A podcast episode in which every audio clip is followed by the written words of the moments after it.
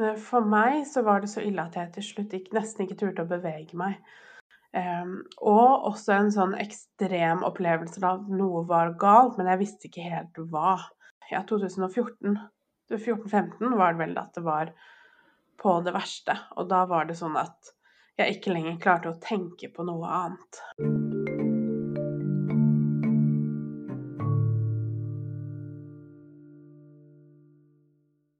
Velkommen til Også pasient, en podkast om usynlig sykdom laget av meg, Kine Albrigtsen.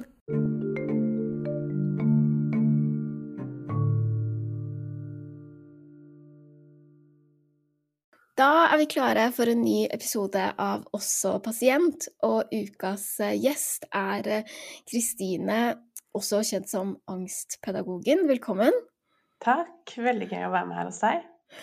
Og jeg er så glad for at du er med. Og så må man jo også sjekke ut um, din podkast. Der er det jo mye mer om angst. Kan ikke du fortelle litt om den? Ja, den heter 'Fra angst til trygghet'. Um, ny episode hver tirsdag. Og der snakker jeg om alt som handler om ja, ulike former for angst. Uh, ulike verktøy man kan bruke, og ja, alt som handler om angst og trygghet, egentlig. Så bra. Men først litt om, eh, om helseangst her, da. Ja. Eh, kan vi ikke plassere deg litt? Hvor i, hvor i landet er du? Hva, hvordan ser hverdagen ut? Ja, jeg bor i Revetal, det er rett utenfor Tønsberg. Og jobber fulltid med, med angstportalen.no, som er et nettsted, eller et medlemskap, da, som jeg har skapt, hvor jeg samler alle mine kurs og verktøy på ett sted. Så der har jeg livesendinger og ja, samtaler, og vi er terapeuter man kan ha samtaler med. og um, Tanken er at man skal få alt man trenger, uten at det skal koste all verden. Så derfor så liker jeg medlemskap uh, veldig godt. Um, så jeg jobber hjemmefra og bor sammen med mannen min og har en datter på fire år. Så ja, hverdagen er ganske kaotisk. spennende, spennende, spennende, spennende. Så gøy. Men Dagens tema er eh, helseangst, og kan vi ikke starte litt med eh, hva er helseangst? Ja, helseangst er jo en eh, Jeg liker ikke å bruke ordet overdrevent, men sånn rent objektivt en overdreven frykt for sykdom. Og det kan være fysisk sykdom, men det kan også være psykisk sykdom. Det er også ganske vanlig å bli redd for å få en alvorlig psykisk lidelse. Um, og det kan bunne ut i enten at du har opplevd en eller annen eh, skummel sykdom, enten du eller noen i familien, så man virkelig har fått et, et sjokk over at, at, det går an. Eller det kan komme ut ifra en ren utrygghet eller en mangel på kontroll. Og det er ganske vanlig. Jeg tror de fleste synes skumle sykdommer er vanskelig å tenke på. Men når man har helseangst, så klarer man ikke å skru det av. Sånn at de fleste av oss, hvis vi tenker på at vi skal dø, eller barna våre skal dø, f.eks., så syns vi det selvfølgelig er utrolig ubehagelig, men så klarer vi å legge det i en skuff og dytte det vekk. Eh, men når vi har helseangst, så får vi ikke til det. Så vi spesialiserer oss gjerne, som vi liker å kalle det, på én sykdom eller ett system i kroppen. Det er gjerne sykdommer som kreft, MS, ALS, skumle, eh, vanskelige sykdommer. Og blir da veldig, veldig til stede i kroppen vår med, med alt som foregår. Alle symptomer blir zooma opp eh, og blir voldsomme. Og da er det ikke sånn at vi finner på sykdom, som man kanskje er lett for å tenke, men at man faktisk har fysiske symptomer som, sin, som er der fordi det er helt normalt å kjenne på ting og tang i kroppen hele tiden. Men for en med helseangst så blir det tolket som ekstremt. Og det kan være at du har litt høyere puls, det kan være at du hadde en liten flekk på huden. Små ting som kanskje andre med helseangst bare ville nesten ikke lagt merke til engang. Ja, folk uten helseangst. Ja. Og det, altså, det, er mange ting som er interessant når du snakker om det. Jeg tenker at det er også interessant når man velger seg ut én ting, fordi Um, det betyr jo at det er liksom én ting eller noen ting da, som man får oppheng i at kan være galt, mens at det er så mange andre ting man, man glemmer, på en måte, å være obs på, da, for det går jo ikke an å ha, være så bevisst på alle de tinga samtidig. Ja, ikke sant.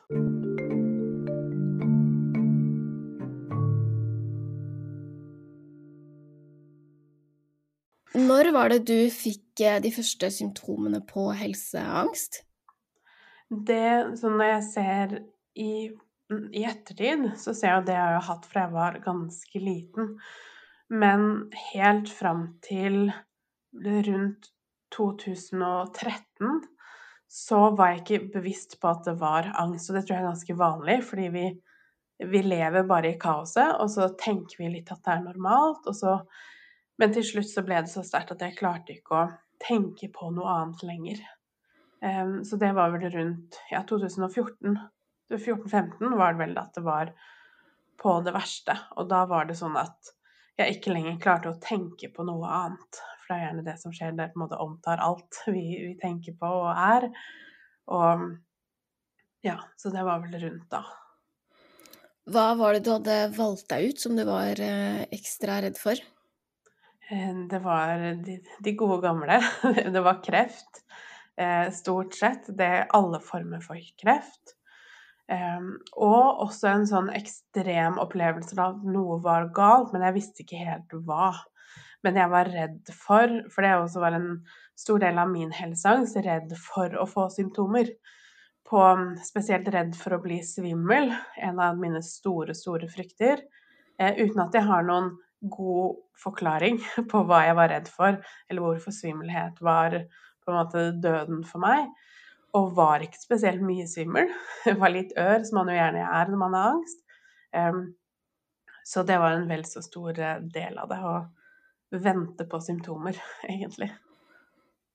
Og betyr det da at du går rundt og kjenner veldig mye etter på kroppen etter ting som, som er der eller ikke er der? Fordi det er jo liksom vanskelig å forklare at er symptomene der, eller er de ikke der, på en måte? Fordi mm. Angst gir jo ganske mange symptomer. Å bli svimmel kan jo lett skje når man får veldig høy angst. Ja. Og det handler om eh, oksygen til hjernen, at du ikke puster godt nok. Eh, at du mm. får veldig sånn tunnelsyn, og da kan du jo logisk nok bli svimmel. Hvordan, hvordan er samspillet på de tinga?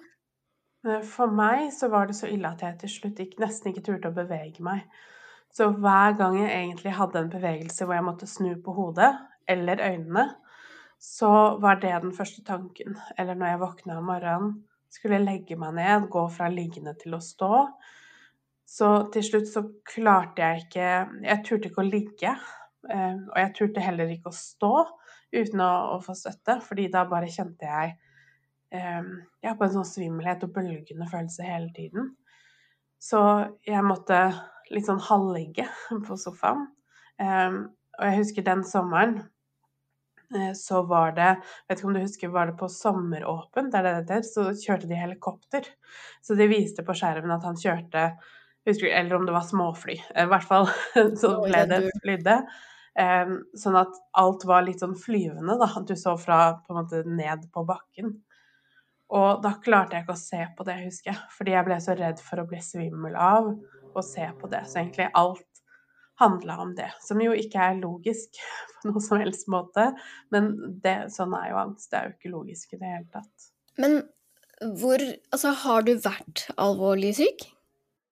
Nei. Jeg hadde en episode 2009 hvor jeg ble lagt inn på slagavdelinga på Ullevål sykehus. Eh, for de trodde jeg hadde fått slag. Men det viser seg å være et alvorlig migreneanfall, da, heldigvis. Men da opplevde jeg jo å Jeg fikk afasi, så jeg kunne ikke prate. Um, kunne liksom ikke gi uttrykk for noen ting. Hadde masse aura, som det heter. Masse blinking og, og ting i syne. Og det også gjorde jo at helseangsten ble også veldig rundt det med alt som handler om når du får sola i øya, og så ser man litt eh, flekker. Alle sånne symptomer også som trigga angsten og helseangsten, og frykt for at det skulle skje igjen. Men utenom det har jeg ikke opplevd noe eh, som skulle tilsi av, dette, av den alvorligheten, da. Altså, det var ikke noe som lå i kortet av at du kanskje skulle få kreft eh, anytime, på en måte? Nei. Nei. Er det mulig å si noe om på en måte hvordan det blir sånn at du ikke tør å uh, stå eller uh, ligge. Fordi det er jo en gradvis prosess, høres ut som, da, at det har, det har um, ja, eskalert på en eller annen måte. Ja.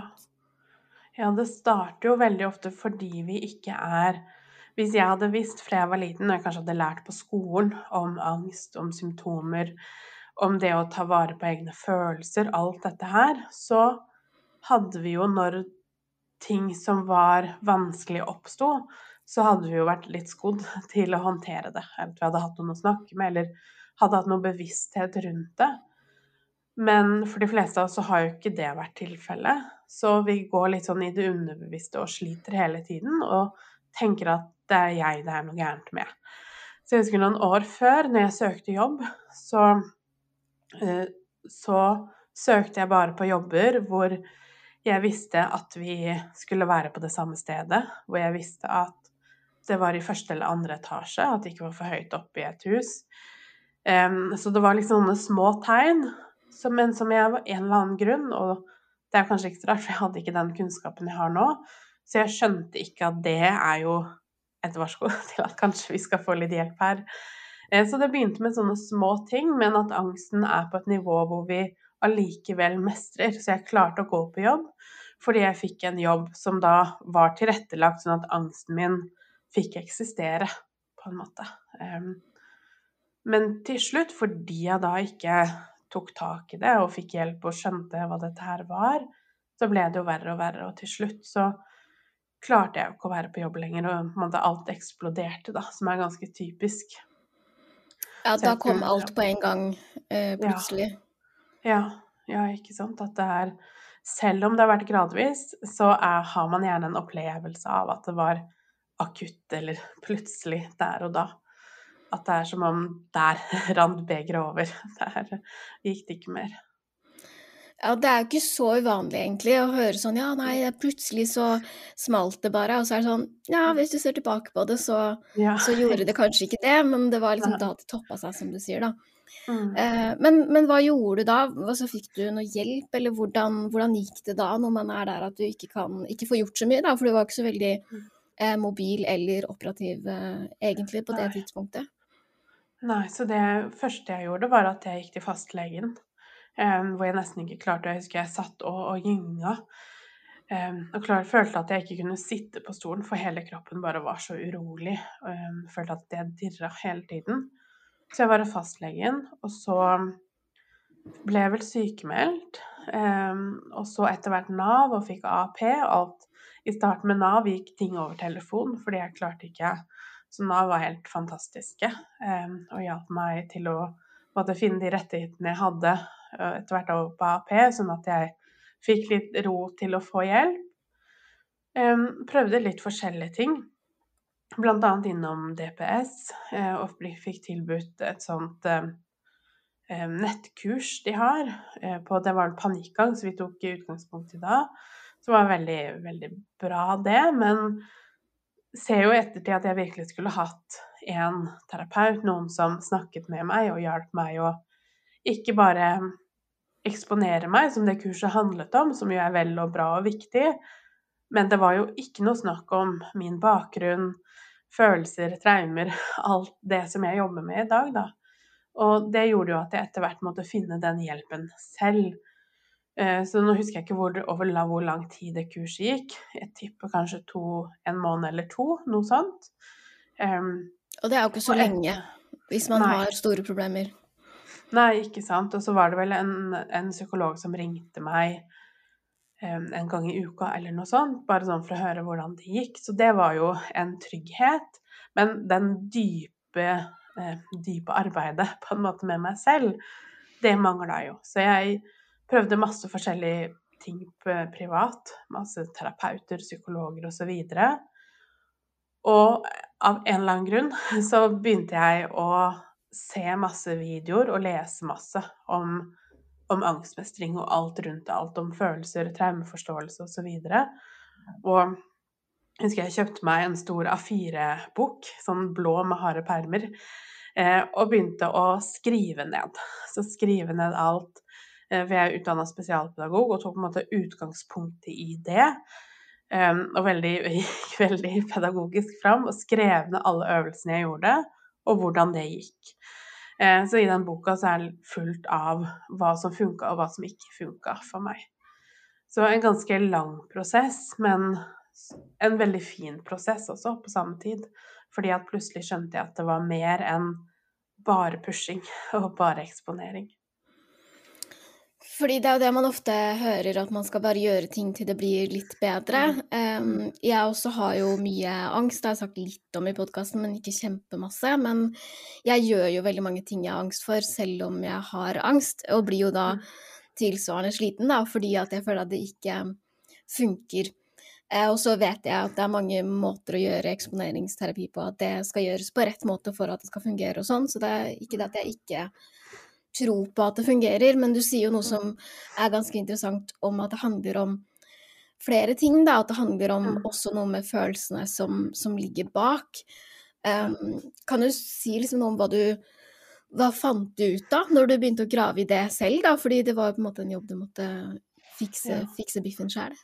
Ja, ikke sant. Nei, det jeg Det største jeg fant ut av, var jo hvor mye av det jeg jobbet med som spesialpedagog som var veldig viktig for angsten som voksen. Men vi pleier å skille det. Én ting er å jobbe med barn, noe annet er å jobbe med voksne. Da skal man være veldig ordentlig, og det skal eksponering, og det skal liksom være ordna forhold. Men grunnen til at du har angst som voksen, er jo fordi det barnet i deg opplevde noe den gang da, og da må vi jo møte oss selv på den måten. Og på den måten tenker jeg det er ikke så mye forskjell på å jobbe med barn og jobbe med voksne. Og eksponering For at du skal få til en god eksponering, så må du jo være i stand til å finne noen form for ro i situasjonen. Så du må kunne klare å la angsten roe seg ned. Og det er ingen med høy angst som vil klare det med en gang. Fordi at angsten er så sterk at den vil trumfe absolutt alt. Og det er jo det som ofte gjør at angsten blir verre, fordi vi pusher oss så hardt, og så får vi ikke noe ut av det, eller blir verre, fordi det Kroppen vår er ikke i stand til det. Det er litt det samme som eh, hvis du tar et barn og putter et barn på et soverom, som man trodde før, da, da skal man gråte seg til søvn. Eh, et barn som må gråte seg til søvn, lærer bare panikk. Lærer bare kaos. Det er ikke en eksponering i å bli trygg.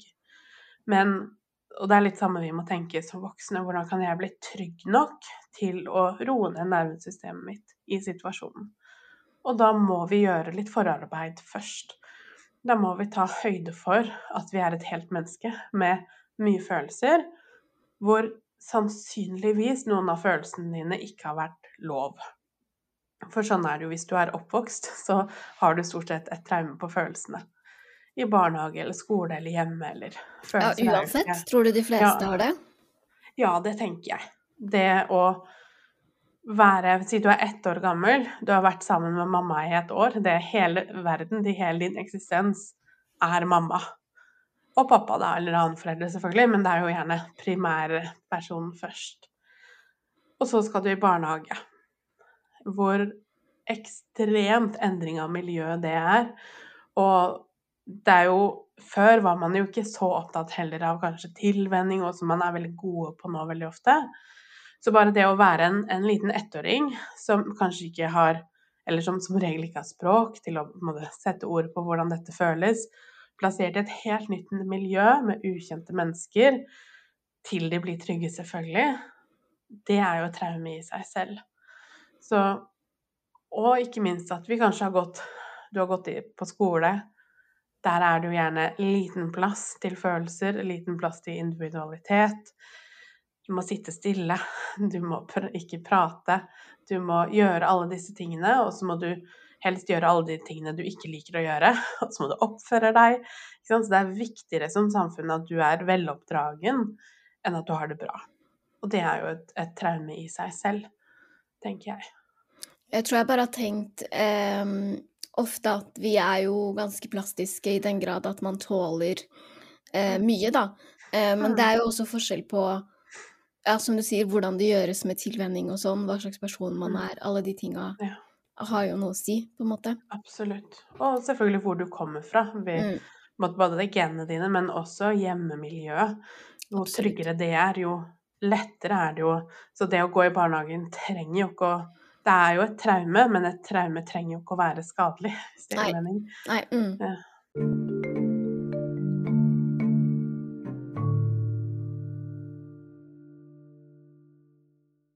Hvordan møter du deg selv bedre i dag? Jeg tror nok jeg er på den ene siden bedre på å se at det er en grunn til Hvis jeg har en dårlig dag, eksempel, da, eller har, er, har en litt engstelig dag, så er det en grunn til det. Før ville jeg nok tenkt at jeg Ja, får ikke til det her engang, eller du er bare dum, eller det er ikke noe grunn til det her. Men da vet jeg at det er en grunn, og allerede der er det mye lettere å ta vare på seg selv. Og, og ha litt mer omsorg med at nå har det vært mye, eller nå gjorde du denne tingen i går, så det er ikke så rart du er sliten i dag. Men også bedre til å, å møte følelsene når de oppstår, istedenfor å ta de ti år seinere.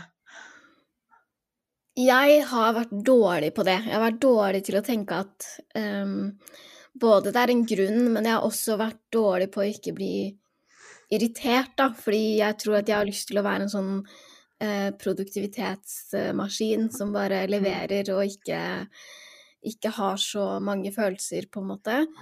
Ja. Um, og det blir jo bedre, men uh, jeg Alltid når folk har sagt sånn Ja, men du må bare møte deg selv bedre, du må være snill mot deg selv, så jeg syns at det er så vanskelig å forstå. Fordi jeg har ikke skjønt hva det betyr. Hvordan gjør man det? Hvordan ser det ut? Ja. Eh, gjør du konkret noe annerledes i løpet av dagen, eller handler det om uh, tankesettet ditt? Eh, Litt begge deler, tenker jeg. Det er jo tankesettet rundt meg som person, og jeg tror mange kjenner seg igjen i, inkludert meg, det du sier der om man skal være flinkest eh, og best og oppå hele tiden. Og det minste tegn, som var det i hvert fall med meg, minste tegn til et symptom i kroppen, litt slitenhet, ikke helt på topp, så blir det liksom merka med at noe er skikkelig galt. Så hva er gærent med deg som ikke får til det her?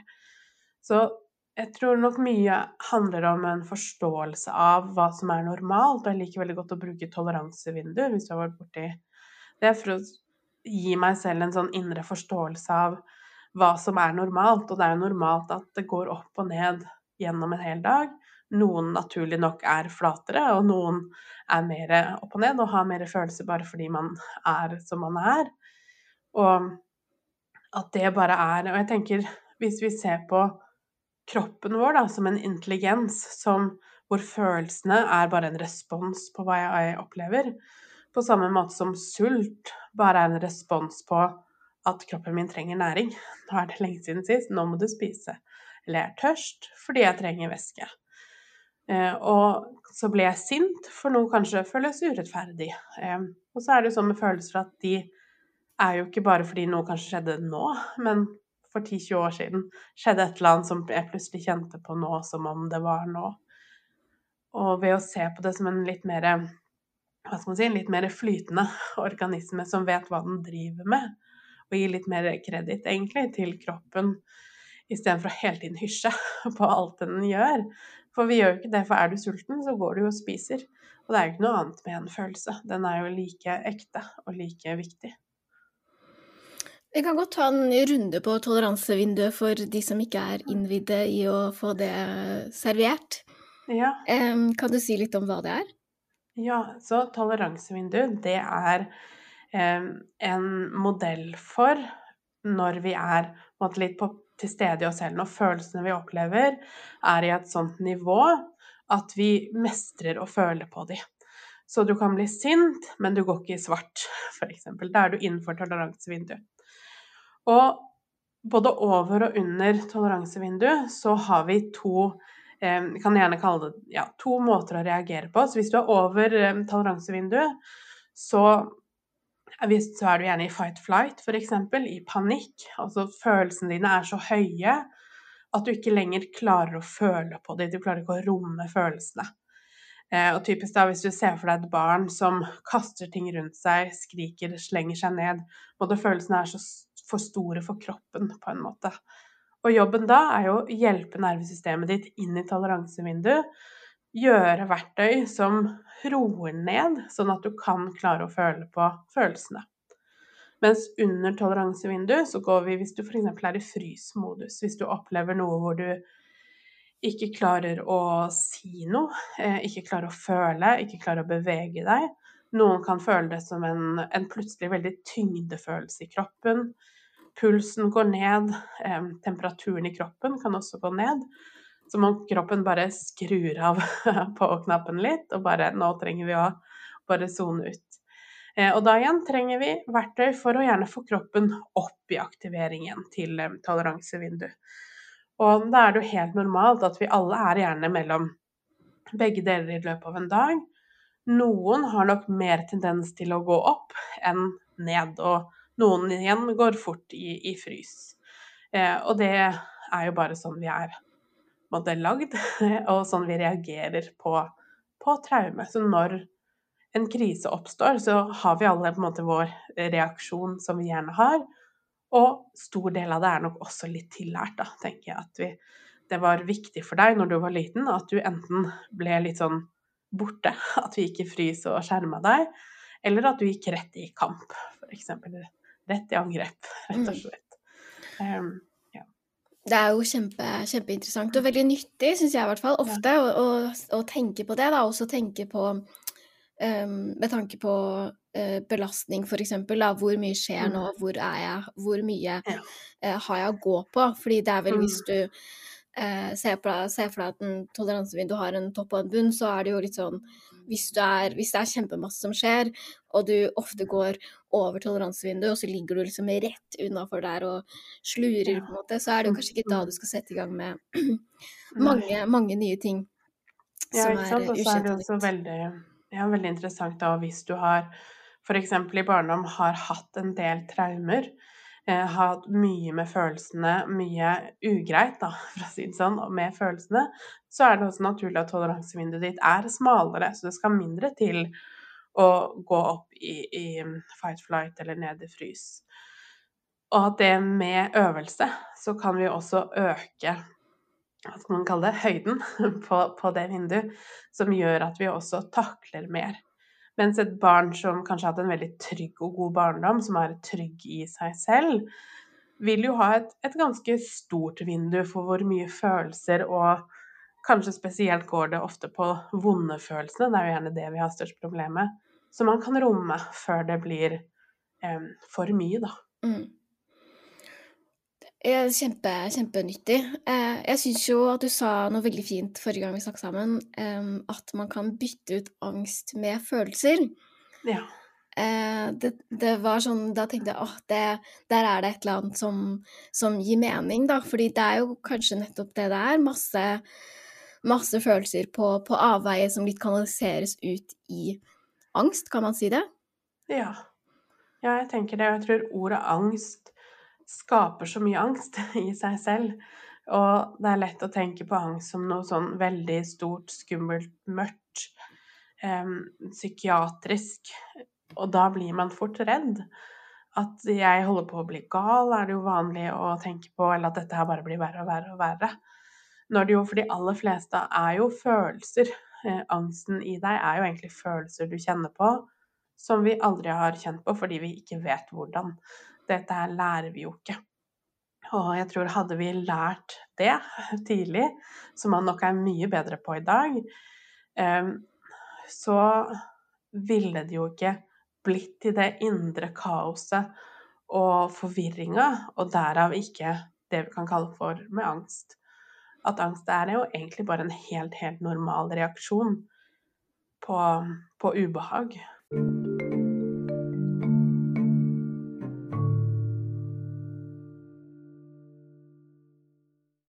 Jeg eh, har jo en del, eh, en del angst, men særlig nå etter korona så har jeg blitt mye mer stressa for å bli forkjøla.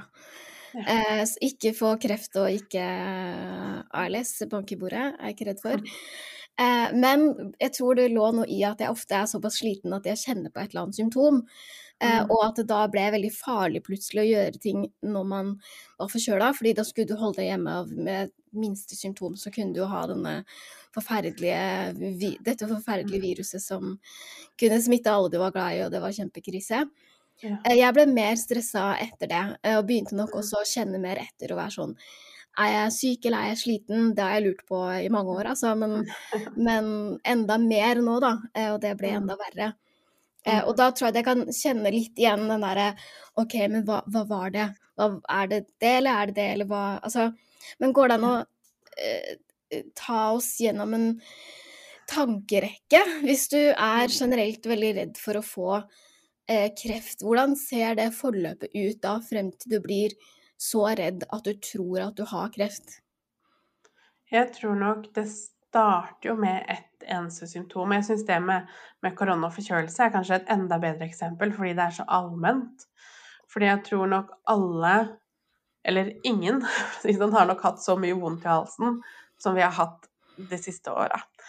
Um, og det tror jeg alle har kjent på, om du har helseangst eller ikke. Men det som er med angst, er jo at angsten går over. Så du, for du kan også få ganske vondt i halsen av å ha angst, fordi vi spenner oss, vi puster annerledes, muskulaturen osv. Um, og da er det jo veldig typisk, si du våkner om morgenen, og så kjenner du etter bevisst. Det er jo gjerne det vi gjør. Hvordan er det i dag? Har jeg lov til å gå ut av huset i dag? Har jeg lov til å eh, ja, gå på jobb, osv.? Og så kjenner du etter. Så du sier til hjernen din at nå må vi passe på denne skumle sykdommen, sånn at den ikke eksisterer. Og jeg tror uansett hvor du ville kjent igjen i kroppen, så ville du funnet et symptom. Hvis du nå begynner å kjenne etter hjerteslagene dine, så vil du kjenne at de blir større og sterkere. Så med en gang vi har fokus på et sted, f.eks. halsen, så sender vi signaler til hjernen om at her er det en fare, dette må vi passe på. Og da elsker jo hjernen det. Den elsker å få en, en god oppgave og hindre deg i å bli syk. Så den zoomer opp. Så alt du kjenner i halsen Plutselig kjenner du kanskje at det er vanskelig å svelge. At du må svelge veldig bevisst fordi ting ikke helt fungerer. Og på den måten så har du på en måte gitt hjernen en oppgave om å finne den faren som, som er der. Og da vil jo den følge den oppgaven alt, for alt det er verdt. Og du vil kjenne det mer og mer i halsen. Og ut ifra da hvor kanskje hvor trusselbildet er fra før, eller hvor redd du er, hvor mye angst du har i utgangspunktet, så kan jo det plutselig bli ganske voldsomt. For etter hvert så blir du kanskje redd. Du blir engstelig, og så blir kroppen aktivert. Og tilbake til toleransevinduet igjen, ikke sant? så begynner vi å fyke, fyke rett til værs. Og vi begynner å bli så redde at vi ikke lenger klarer å tenke logisk. Og det er ikke så mye frykt som skal til før vi ikke lenger klarer å tenke logisk. Og det er jo da vi er litt ute å kjøre, ikke sant? For da er det jo frykten vår som styrer alt sammen. Um, og det er jo da vi gjerne enten eh, ringer en venn, ringer legen, prøver så godt vi kan å finne en trygghet i at dette går bra allikevel. Og da spiller det ingen rolle om det er en forkjølelse og ikke kreft. Ikke sant? Så sånn objektivt sett burde det vært mye, mye bedre. Fordi for hjernen din så er det den bjørnen midt i rommet som nå skal drepe deg. Og sånn er det jo egentlig med alle symptomer. Det starter med en liten Noen ganger er det kanskje ikke et symptom engang. Det kan starte med en tanke, og så blir den tanken til et symptom. Er det ekte symptomer, hvis det går an å si noe om eh, om det, eller skille det på, på den måten da, som jeg presenterte? Ja. Jeg tenker det er jo et symptom i utgangspunktet. Men det er ikke sikkert det er et symptom på forkjølelse. Men det er et symptom på at du har en kropp, kanskje. Um, og en, en, veldig intelligent kropp med en velfungerende hjerne som hjelper deg til å finne farer. For det er den jo veldig god på. Det er jo bare at det er litt malplassert. Ja, den gjør litt for god jobb. på en måte. ja, akkurat det. Jeg selv kan også bli usikker noen ganger på om symptomet jeg kjenner på er ekte, eller om jeg bare har tenkt meg til det, hvis du skjønner. Mm. Men så er det det som er så rart, at jeg føler at man kan tenke på seg ekte symptomer. Det er så vanskelig å forklare den, Ja. den overgangen mellom OK, Mm. har du bare tenkt deg til at det er sånn, eller er det faktisk sånn? Mm. Og det er jo der man får trøbbel, ikke sant. Fordi med helseangst så er det jo alltid en sånn en viss reell fare for noe skummelt. Som jo gjør at det er ekstra vanskelig å kunne stole på seg selv, som det jo i stor grad handler om. Da. Det å være trygg på at jeg føler det jeg føler, at jeg har lov til å føle det jeg føler. Tilbake til selvfølelse, alle helt sånn grunnleggende grensesetting også, egentlig. Så når vi har et symptom, og vi ikke vet, og det er liksom når du får barn Det å vite hva, hvor går grensa mellom når burde i legen, og hva er normalt, er kjempevanskelig å finne, fordi det er en reell trussel i bånn. Og så klarer vi ikke å stole helt på oss selv. Eh, Så går du til legen, og legen kanskje på ett blunk vil se at ja, men dette er jo angst, eller dette er ikke farlig, fordi som utenforstående med mer kunnskap eh, veldig enkelt klarer å skille det. Mens vi oss selv så blir man så fanga i den usikkerheten, og det er jo ikke så veldig rart. For det er jo Det føles i hvert fall som det er veldig mye på spill, da. Og ehm, der sier du også noe med sånn gå til legen. Du har jo gått veldig mye til legen fordi Mm. at du har vært redd for ulike ting. Ja. Eh, og da kan jeg jo se for meg at du da har vært helt overbevist om at nå er det noe galt som må sjekkes av lege, fordi ellers så hadde du ikke gått til legen. Ja. Um, og hva, hva sier legen når du kommer igjen og igjen? Um, nå har jeg en kjempe, kjempefin lege som er veldig god, som forstår angst. Som forklarer. Og jeg tenker det er det viktigste her når du har helseangst, det å ha en lege som forstår angst, og ikke bare sier ja, men dette er ikke farlig. Vi trenger, vi trenger å lære hvorfor er ikke dette farlig. Og det var jo stort sett det hun gjorde, da. At jeg fortalte om symptomene. Hva kunne det være, for eksempel? Det kunne for eksempel være en føflekk som jeg syns hadde endra seg bitte litt, eller var sånn Jeg vet ikke om den har endra seg, men jeg føler at den har det. Litt på det nivået. Det kunne være en liten kul i hodet. Eh, var jeg noen ganger til legen for. Eller vondt i magen. Stram i brystet. Eh, ofte da en følelse av at noe var galt, for jeg egentlig ikke hadde et symptom engang. Det var mer en sånn generell følelse. Og da snakket hun meg gjennom hva liksom veldig fort Dette her er ikke noe farlig, fordi at da hadde det vært sånn og sånn, eller da ville ikke du sett sånn ut, da ville ikke du kunne en bare En gang trodde jeg var sikker på at jeg hadde hjernehinnebetennelse, fordi jeg hadde litt vondt i nakken, som er veldig, veldig standard. Um, hvor hun sa men da hadde du jo ikke Da hadde du hatt det og det og det symptomet. Da hadde du ikke sittet her. Da hadde du ikke vært så rolig, eller da hadde du ikke vært så frisk. Da hadde du ikke kunnet gått en tur akkurat. Gi deg grunner til, eller rett og slett gi hjernen din grunner til at det ikke er det. For med helseangst så er vi jo Det er litt sånn at vi er syke inntil det motsatte er bevisst, istedenfor det motparten, som jo gjerne er kanskje legens ståsted, da. Eh, og kan snakke deg gjennom Når jeg kjenner dette i brystet, eller jeg har denne i eh, hjerteslagene f.eks. Hvordan vet jeg at det er angst, og hvordan vet jeg om det er noe farlig? Og etter hvert lære meg de små, de små forskjellene, da. Eh, og ikke minst det å tørre samarbeid med legen og vente. At nå har du en time om en uke, da skal vi ikke sjekke før om en uke. Da skal vi til legen gjøre det da, og så tar vi det annenhver uke, og så videre. Og, og våge å ta tid, og det er jo mye lettere når du har en fagperson du faktisk stoler på, da, i bunn. I den grad man stoler på noen når man har helseangst. Var det vanskelig for deg å være åpen med legen, eller kom det av seg selv i form av at du dro dit for så mange fysiske ting? Fordi på et eller annet tidspunkt så er det sånn Du må ha den Ok, men kanskje det er psykiske eh, praten i hermetegn, da, som jo er eh, mye brukt på feil måte, virker det som, eh, i hvert Mm. fall. Men så er det jo noen ganger nettopp det det er, da. Ja. Eh, For meg kom det egentlig ganske naturlig, og det var nok i samarbeid med at hun var så dyktig. Eller er dyktig. Hun er fortsatt um, Sånn at jeg aldri Jeg følte meg ikke dømt. Selv om jeg kan nå på en måte le av symptomene jeg kom der med, fordi noe av det er så latterlig sånn rent utenfra. Men der og da så står du jo på livet. Og det da å bli møtt av noen som ikke dømmer deg på det, gir jo også en veldig trygghet og hjelper deg til å være åpen med det.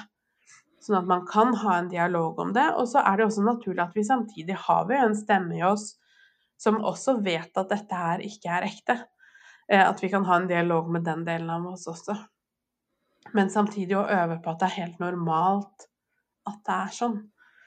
Og det er i hvert fall nå når jeg sitter på denne siden av bordet, for å si det sånn, i ganske mange år og jobbet med andre med angst, så tenker jeg at det er jo den kunnskapen jeg har nå, alle skulle hatt, om hvor vanlig det er, hvor like vi er. Uansett hvordan type angst, så har man det så likt, og det er så de samme tingene som ligger i bunn. Og nettopp derfor er det absolutt ingenting å skamme seg over, fordi det er Det kan føles som du er den eneste i verden, men det er du helt garantert ikke. Det er vel også noe med det som er på en måte i sykdommens natur, da, at de behandles jo også på veldig lik måte. Ofte på mm. samme behandlingstilbud, ulike typer eh, angst, og at det sier noe om at um, ja, det er en, en lik ting som, som, viser seg kanskje litt ulikt, da, men som likevel så ligner jo angst på hverandre. Sammen med spiseforstyrrelser, hvor også eh, egentlig alle typer spiseforstyrrelser behandles ganske likt, og kan være i samme behandlingsforløp noen steder. Fordi det handler om samme ting, det bare ser ulikt ut eh, i form av da helseangst, eller hvilken sykdom du er redd for, eller om du har panikkangst, eller ja. generalisert eh, angst, osv. Mm. Um, så, men du sa at det ble sjeldnere timer. Hvordan, hvordan ble det etter, etter, hvert? Ble det lettere? Ble du tryggere? Ja, det ble jo lett. I starten så var jeg nesten daglig i, i noen i, husker, Alt var litt sånn kaotisk. Jeg husker ikke hvor lang tid, men jeg husker at jeg var der nesten daglig. Som jo er Det er jo vanskelig i seg selv, det å måtte ringe og be om en, en akuttime for noe en del av deg vet egentlig ikke er noe, det, det, er, det kan føles ganske skamfullt og vanskelig. Uh, men det som hjalp meg da, var at jeg hadde en avtale med legen med en dato, så jeg slapp å ringe. Og så ble vi enige om først en uke av gangen. Uh, og da hadde jeg en dato, og så skulle jeg skrive opp alle tingene som dukket opp, alle symptomer, alle ting jeg lurte på. Og på den måten ble jeg jo litt sånn halvveis på en trygg måte tvunget til å måtte utsette. Uh, utsette og sjekke og høre med henne. Og da i lang periode så var det en gang i uka, etter hvert annenhver uke, månedlig og til slutt uh, mye lenger, da. Så nå så var jeg hos legen nå, og da hadde jeg jo ikke vært der siden jeg tror september-november. Um, så etter hvert så ble det mer logisk, og jeg ble god til Eh, god til å bli redd, da, er jo egentlig det det går i. God på å sitte i det. For det som jo da skjer, når man tillater litt tid på å sitte i det, så går jo frykten og angsten over til slutt. Eh, og det kan jo være alt fra minutter til dager, ikke sant. Men når det skjer, så sitter du igjen med den logikken om at ja, dette var kanskje ikke så akutt. Dette her overlever jeg kanskje hvis jeg venter en uke med å snakke om det her. Og når du har en mange nok opplevelser med det, sammen med kunnskapen om å møte følelsene som oppstår, men også det å skille symptomer, angstsymptomer fra ekte symptomer, og får ja, god erfaring med det, så blir det også lettere å, å utsette lenger og lengre. Og til slutt så merket jeg, som er ganske typisk, at jeg ikke tenkte så mye på det lenger. At den alarmen i hodet mitt om å da f.eks. følge med på halsen, eller svimmelheten, den var ikke der hver morgen. Plutselig så var det kanskje annenhver morgen eller innimellom etter hvert. For da får jo hjernen en, en opplevelse av at ja, det er trygt. Kanskje vi overlever allikevel. Og derfor så trenger den heller ikke å sjekke hele tiden.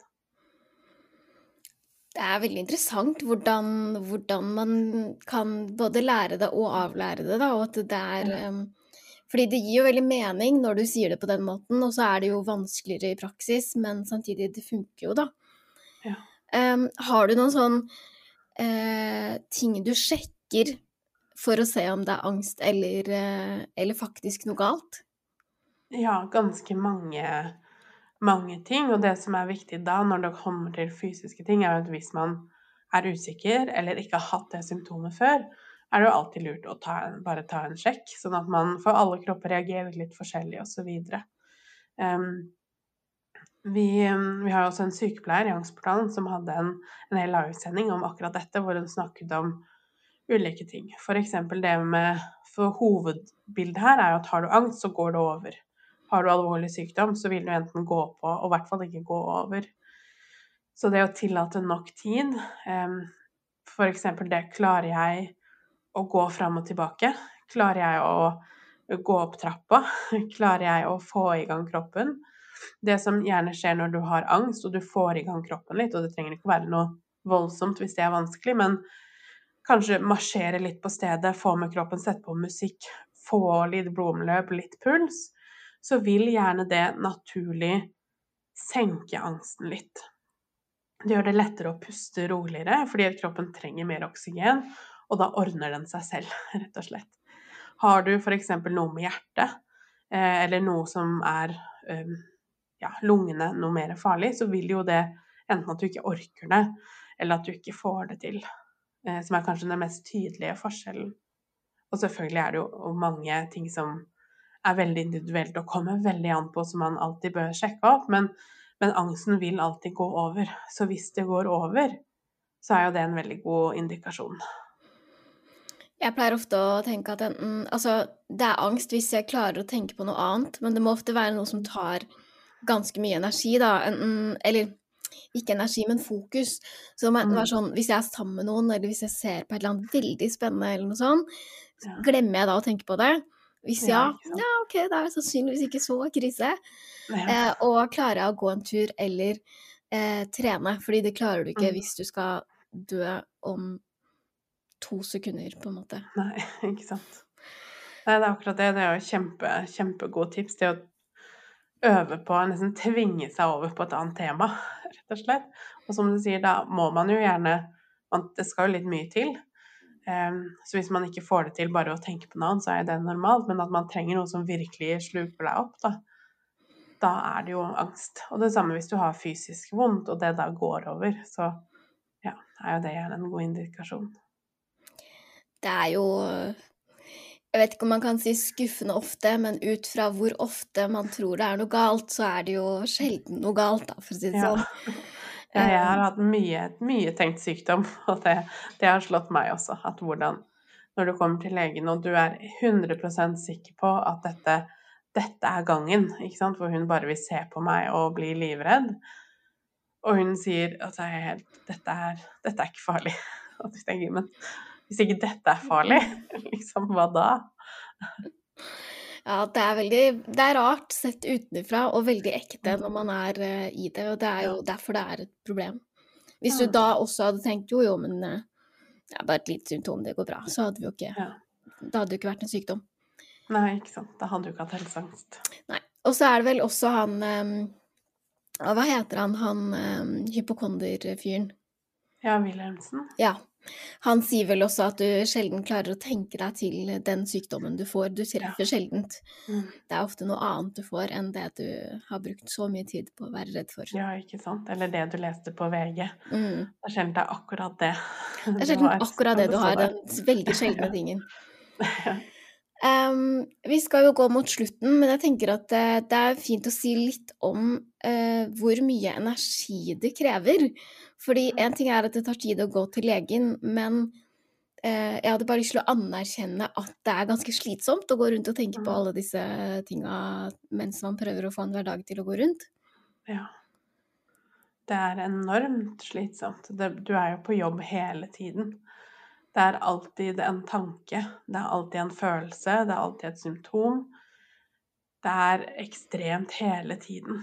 Eh, og det er egentlig verre enn å være på jobb hele tiden. For si, en, en, person som ikke har angst og er på jobb, er jo da bare på jobb, ikke sant. Men, men, det er noe hele tiden. Og i tillegg så er det veldig vanlig å fortelle seg selv at jeg har ikke lov til å reagere. Jeg har ikke lov til å være sliten. Jeg burde ikke vært så sliten. Eh, alle andre klarer jo alle disse tingene, og jeg klarer så vidt å, å stå opp på senga. Men det er ekstremt, ekstremt slitsomt. Du løper maraton hver eneste dag. Og det er jo ikke bare psykisk, men det er fysisk også. Så det er normalt å være fysisk sliten, ha vondt i nakken, vonde skuldre, vond rygg. Kroppen fungerer ikke optimalt fordi det er noe hele tiden. Og jeg tror hvis bare allerede der, tenker jeg, hvis vi hadde tatt det inn over oss og tenkt at ja, det er ikke så rart at jeg er sliten, og når jeg er sliten, så må jeg hvile. På samme måte som når jeg er tørst, så må jeg drikke. Eh, og riktignok, det å hvile når du har angst er jo lettere sagt enn gjort, men all aktivitet som, eh, som gir deg et annet fokus, da. Eh, for det å ligge i senga f.eks. er jo sjelden til hvile når vi har det sånn. Så ville veldig mye vært gjort allerede der, tenker jeg. Det er jo litt å finne ut av hva som funker, da. fordi som du sier, hvis man skal ligge helt stille, så blir jo det ofte bare for å kjenne etter. Mm. Eh, men å gjøre noen ting som ikke føles så slitsomt ut, sånn noe som er lystbetont, da, eller noe du liker å drive med, enten om det er å ja, For noen så er det bare å male en vegg, liksom, fordi det òg er bare noe fysisk, noe konkret, men det er ja, eh, Du må tenke på noe annet, da, eller være med noen, mm. eller gå en tur kan også være en form for sånn Litt mer sånn avslappende aktivitet enn å være bare inni sitt eget hode, da, som jo er kjempeslitsomt. Ja, absolutt. Er det noe du tenker at vi, vi ikke har vært, eh, vært gjennom? Jeg syns jo vi har vært gjennom en god del. Ja, jeg tror vi har vært gjennom, gjennom det meste. Egentlig, jeg liker veldig godt det på slutten med å, med å validere hvor enormt tøft det er. At det er, det er ofte, følte jeg på, eh, og kan se litt fortsatt, hvis jeg scroller litt på Instagram f.eks., at det er veldig mye positivitet ute og går. Altså i form av at du skal Men tenk på alt du har, da. Tenk på alt du får til, da. Um, som jo er egentlig ja, veldig mot sin hensikt, da. Fordi det vil ikke hjelpe noen med angst å tenke på alt du har. At du har um, tak over hodet, f.eks., eller mat på bordet. For det er beintøft. Og det å få lov til å ha det beintøft og få lov til å prate om at nå har jeg det tøft, uten å måtte tenke på hva du er takknemlig for eller positiv for, det tenker jeg er kjempeviktig. For det vil gjøre deg mindre sliten på sikt. Og det allerede der, det å få lov til å skape rom for det som er vondt, så vil det vonde gå over. Følelser går over når de blir følt på. Og grunnen til at du har så mye følelser nå, er jo fordi du har et helt liv uten å se på følelsene, så de ligger i kroppen din. Men jeg lurer på, er det ikke 90 sekunder man sier det tar å føle på en følelse? Så hvis så du hver tid, ja. gang Ja, ikke sant? Så hvis du helt 100 ser for deg at du legger deg ned i et mørkt rom og bare føler på det sinnet, f.eks., så vil det gå over. Det er ubehagelig og vondt, men etter hvert blir det ganske normalt, da, når man kommer litt over den verste panikken. Ja, da tenker jeg at hvis det tar 90 sekunder å føle på en følelse, så er det ganske mange ting i hvert fall jeg kan rekke opp en hånd, eh, ikke har mm. følt på før, da, som er litt sånn mm. Det kommer jo ut i veldig mye slitsomme greier nå, da, som voksen. Så ja. det er vel en, en het anbefaling om å, om å, kjenne etter, i hvert fall. Kjenne ja. på, på, følelsene sine. Ja, ikke sant. Å bruke barn som rollemodell, tenker jeg. En barn som er tre-fire år gammel, er ekstremt mye bedre enn de fleste av oss, kanskje nesten alle, på å føle på følelser. Et barn som kan kanskje brødskiva var skjært feil, og hele verden går i grus. De faller om, de skriker, de gråter, og så går det over. Fordi at følelsene går over. Og selvfølgelig, som voksne kan vi jo ikke gjøre det til enhver tid, men på, på vår måte, da, eh, som beviser at alt går over, så lenge vi får lov til å føle på det. Ja, det tror jeg. Men det er, det er, fint også å se for seg sånn OK, men hva hadde det barnet gjort, på en måte? Nå, det, er lov, det er lov i de sekundene, og så ja, er det kanskje bedre allerede etter det, da. Ja, um, jeg vet ikke også om du, apropos det, da, om du kjenner noe forskjell nå eh, når det er bedre, fordi du har jo ikke like mye helseangst eh, nå. Er det frigjort noe energi, eller hvordan har det vært med tanke på akkurat det at det er så slitsomt å ha det sånn? Ja, jeg har mye færre dager som er sånn at jeg ligger i senga. Det er nesten aldri at jeg er så sliten at jeg ikke får til. Eh, det er jo også at jeg har tilpassa verden min egentlig også veldig etter meg. For en ting jeg lærte veldig fort, var at dette var jo ikke bare angst. Det er også at jeg er veldig introvert. Så jeg blir veldig sliten av veldig mye mennesker. Og når jeg kunne f.eks. i en jobbsituasjon hvor jeg, jeg jobber, har jo hjemmekontor, jobber veldig mye ut ifra hvem jeg er og hva jeg trenger, så har jeg også en helt enorm arbeidskapasitet. Skulle jeg hatt en såkalt vanlig jobb nå, så ville jo ikke det det, ville nok ikke gått så ille som det gjorde sist, men det ville ikke vært bra for meg i det hele tatt, og jeg ville fått mye symptomer igjen. Så det gjør jo at dagen går rundt, og plutselig har jeg energi til å gjøre ting som engasjerer meg, for det blir også borte med angsten. All glede og, og det som gir gode følelser, er det vanskelig å ha fokus på. Som er kanskje den, den største seieren. Det å kunne virkelig ja, gjøre det jeg vil gjøre, da. Jeg håper det Eller jeg syns i hvert fall det gir veldig mye håp, og at det er veldig fint både å kunne anerkjenne ting, og også at det blir rom til flere ting når det blir tatt tak i, da, og når det blir litt bedre. Tusen, tusen takk for at du hadde lyst til å komme, Kristine. Jeg håper det var eh, nyttig for alle som hørte på. Jeg syns det var kjempenyttig, i hvert fall. Ja, det var veldig hyggelig å være med her òg, og så fint å kunne snakke om et så viktig tema. Så da er det bare én ting igjen å si, og det er ha det bra.